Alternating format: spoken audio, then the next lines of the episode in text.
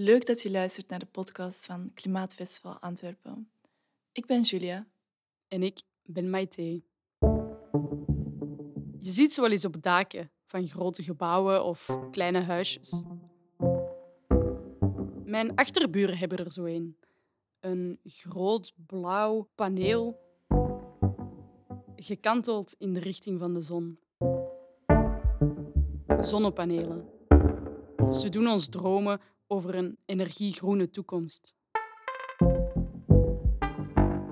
In deze aflevering zijn Anne Slabbekoren en Hans Schut van Schooldakrevolutie aan het woord. Door zonnepanelen op schooldaken te plaatsen, wil deze Nederlandse stichting leerlingen laten kennismaken met duurzaamheid, zonne-energie en de energietransitie.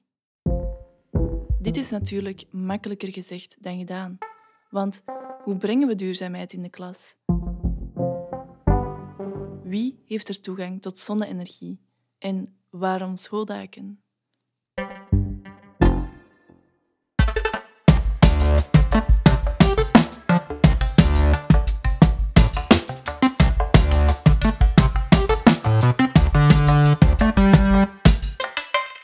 Hallo allemaal, ik ben Anne en ik werk als eh, projectcoördinator voor Stichting Scholdekrevolutie in Nederland. En ik ben Hans Schut. Ik ben communicatieadviseur ook bij Stichting Schooldakrevolutie. Wat wij doen is, nou, we hebben eigenlijk een hele simpele missie. En dat is alle kinderen in Nederland laten leren over zonnestroom. En nou ja, daarmee zorgen we dat ehm, de energietransitie versnelt. En dat alle kinderen uit welke sociale klasse dan ook toegang hebben tot duurzame energie. Want wij vinden eigenlijk dat duurzaamheid geen elite ding moet zijn, maar voor iedereen toegankelijk.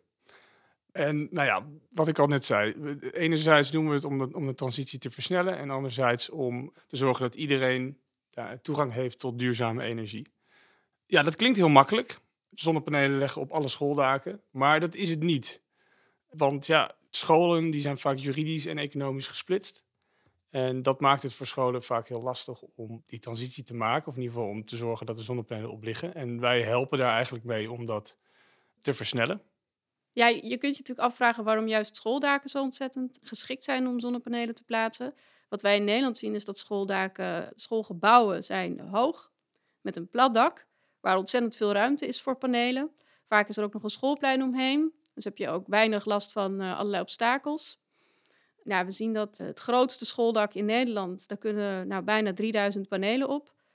Nou, een school gaat die hele capaciteit natuurlijk niet gebruiken voor ehm, alleen maar om het energieverbruik van de school te dekken.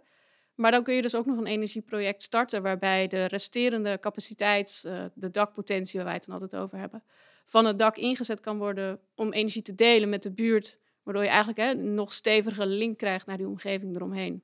Ja, dan denk ik dat het goed is om heel even heel kort te vertellen hoe scholen in Nederland georganiseerd zijn. In Nederland vallen meerdere scholen vaak onder één schoolbestuur. Het kan zelfs nog zo zijn dat een school eh, zelfs helemaal zelfstandig is. Dat noemen we dan eenpitters. Dus daar zit zowel de school als het schoolbestuur bij elkaar. Ja, in Nederland geldt de vrijheid van onderwijs. Dat betekent dat iedereen een school mag stichten en iedereen ook een schoolbestuur mag stichten.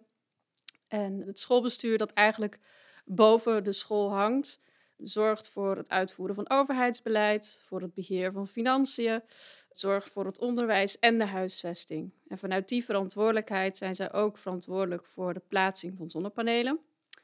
Maar er zijn nogal wat knelpunten. Dat gaat echt nog niet vanzelf. Nou, Hans stipte net al heel even aan dat er vaak sprake is van gedeeld eigenaarschap. Dat betekent dat eh, het schoolbestuur juridisch verantwoordelijk is voor het gebouw, maar de gemeente het economisch eigendomnaarschap heeft. Er is beperkte investeringsruimte vanuit overheidsbeleid om aanpassingen te doen aan het gebouw. En ondanks dat een schoolbestuur verantwoordelijk is voor huisvesting, zien we toch dat er echt een gebrek is aan specifieke kennis over verduurzaming van gebouwen. Ja, daarnaast is er natuurlijk ook gewoon weinig tijd. Schoolbesturen hebben een heel breed ta- takenpakket en hun kern voor, ja, echt hun kerndoel is het verzorgen van goed onderwijs. Huisvesting hoort er natuurlijk echt wel bij, maar het plaatsen van zonnepanelen wordt een beetje gezien als een plus. En eigenlijk zien we dat ook wel met de rest van een verduurzamen van een gebouw. En dat wordt gezien als dat er ook nog eens bij komt, naast alle taken die er toch al liggen zoals kapotte deuren, kapotte verwarming en et cetera. Ja, en het als laatste, wat misschien ook wel het, gewoon het belangrijkste is, is dat het gewoon niet op het netvlies staat. En dat komt ook een beetje door het gebrek aan tijd en kennis. Ja, wat eigenlijk heel gek is, want een investering in zonnepanelen kan gewoon uit. Want Verdient inmiddels, terug. je verdient het terug, je verdient het binnen 10 jaar terug. En daarna heb je gewoon 15 jaar gratis stroom. Dus het is gewoon een goede investering. Nou ja, los van dat het een goede investering is, straalt het ook uit op vooral de leerlingen in eerste instantie natuurlijk. En daarna ook op de buurt en de buurtbewoners en de ouders en iedereen die met een school te maken heeft. Want ja, los van de zonnepanelen op het dak is een school dan vaak ook bezig als we eenmaal de zonnepanelen gaan plaatsen. Hoe kunnen we zorgen dat die zonnepanelen ook terugkomen in de klas, zeg maar. In ieder geval de duurzaamheid, de duurzame gedachte die erachter hangt. En zo was ik laatst bijvoorbeeld bij een basisschool. Die had net zonnepanelen genomen. En wat ze dan ook doen bijvoorbeeld, is dat ze een monitor ophangen op school. Zodat als iedereen binnenkomt lopen, dan zien ze dat, worden ze er meteen mee geconfronteerd. Het is echt een heel tastbaar ding. Maar er, zo zijn er nog meer dingen hoor. Het komt ook terug bijvoorbeeld in een tentamentoets. Zo is er een school geweest, die heeft het ook eh, als een proefwerktoets terug laten komen. En wat bijvoorbeeld ook kan, is dat je er een soort van workshop van maakt in de klas. Vaak is duurzaamheid ook nog wel een niet zo cool onderwerp om over te praten, bijvoorbeeld. Nou, wat wij dan ook kunnen doen, kunnen faciliteren, is dat er een groep komt die daarover gaat praten, die de kinderen meenemen en dergelijke. Nou ja, dat zijn een aantal dingen die je kan doen eh, om ervoor zorgen dat nou ja, niet alleen je energie opwekt, maar dat je het ook terug laat komen in de klas. Ja. Ja, en hoe, hoe we dat dan precies doen, is bij ons werken een aantal schooldakcoaches. En zij gaan echt één op één in gesprek met schoolbesturen over welke gebouwen komen nou in aanmerking voor verduurzaming. En begeleiden dan in het besluitvormingsproces. Waar moet je eigenlijk aan denken? Hoeveel dakpotentie is er eigenlijk? Hoeveel panelen passen er nou op? Met welke installateur zou je eventueel in zee kunnen? En als je offertes hebt aangevraagd, kunnen wij dan eens meekijken hoe zien die offertes eruit? Wat moet je verder nog regelen? Waar moet je allemaal aan denken? Om een schoolbestuur eigenlijk ook een aantal zorgen weg te nemen. Zodat ze zichzelf ook ja, goed voelen om bepaalde stappen te nemen. En ook daadwerkelijk aangespoord worden om verdere stappen te zetten. Want meestal zien we wel dat als schoolbesturen eenmaal bezig zijn met deze opgave, dat ze dan denken, oh, maar ik kan ook nog doorpakken met, met ledverlichting of isolatie. En oh, er zijn dus instanties die mij kunnen helpen, die mij eh, kunnen begeleiden hierbij. Het is eigenlijk helemaal niet zo heel veel werk en het bespaart ook nog heel veel. Het heeft natuurlijk ook een enorme positieve uitstraling naar de buurt. Voornamelijk omdat scholen een hele belangrijke gemeenschapsfunctie hebben in de buurt. Ja, daarnaast zijn gemeentes ook gewoon altijd een enorme belangrijke partner voor ons. Zeker omdat nou ja, ze een deel van het eigenaarschap van de school hebben. Dus er wordt ook ja, flink gelobbyd door het land heen om de weg eigenlijk vrij te maken, om verduurzaming niet in de weg te staan. Maar ook om gemeentes aan te sporen om vanuit hun beleid scholen te motiveren om te verduurzamen en om hun daar ook echt bij te ondersteunen. Maar goed, het betrekken van de leerlingen, wat Hans ook zei, dat is eigenlijk misschien nog wel het belangrijkste dan het versnellen van de transitie.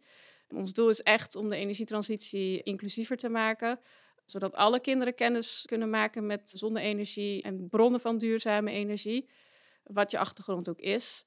Ik vind dat je je in Nederland in ieder geval heel erg kunt afvragen in hoeverre iedereen toegang heeft tot uh, bronnen van duurzame energie. En daar mag echt nog wel aan gewerkt worden. En ik denk ook echt dat juist het beginnen met het verduurzamen van scholen, dat dat gewoon een enorme stap kan maken naar de toekomst. Leren op duurzame energie, iedere dag in aanraking komen met, uh, met schone energie, dat maakt het normaal dag in dag uit. Nou, wij zien ook dat zonnepanelen hè, zijn ontzettend tastbaar en vormen eigenlijk een heel logisch aanknopingspunt om het ook met leerlingen over de bredere problematiek erachter te hebben, over klimaatverandering. Ja, daarnaast, wat ik al zei, scholen hebben een belangrijke functie in de buurt.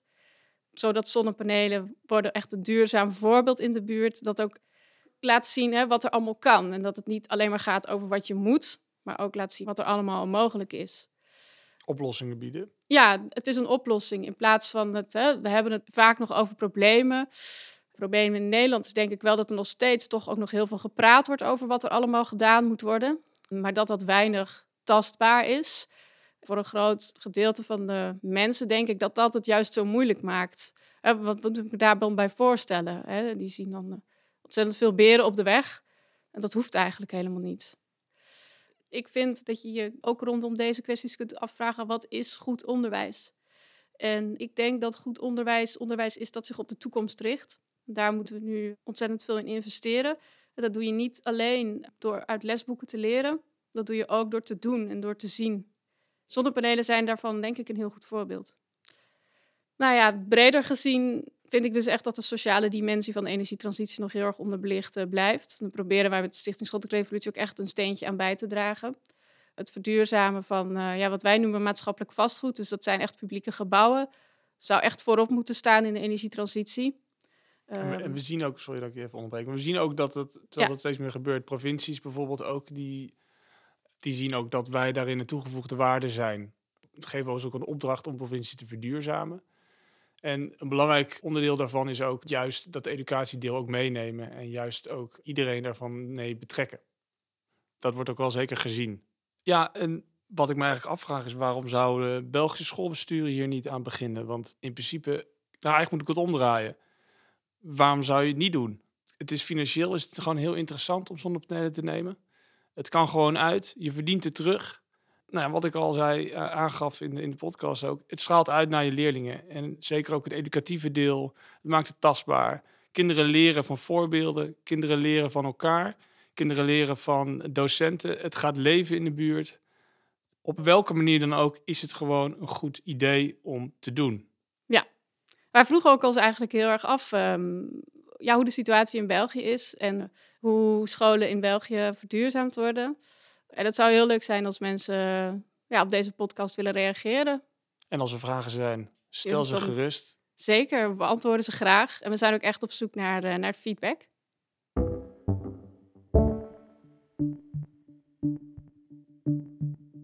Je luisterde naar de podcast van Klimaatfestival Antwerpen, een project van Troebel. Bedankt om te luisteren. Meer informatie over Klimaatfestival Antwerpen vind je op www.klimaatfestivalantwerpen.be. Deze podcast is opgenomen in Muziekstudio De Kiem. Productie, muziek en opname door Kaat Schilds. Beeld door Designstudio Catapult. Dank aan 1111 en de burgerbegroting van het district Antwerpen om deze podcast mee mogelijk te maken.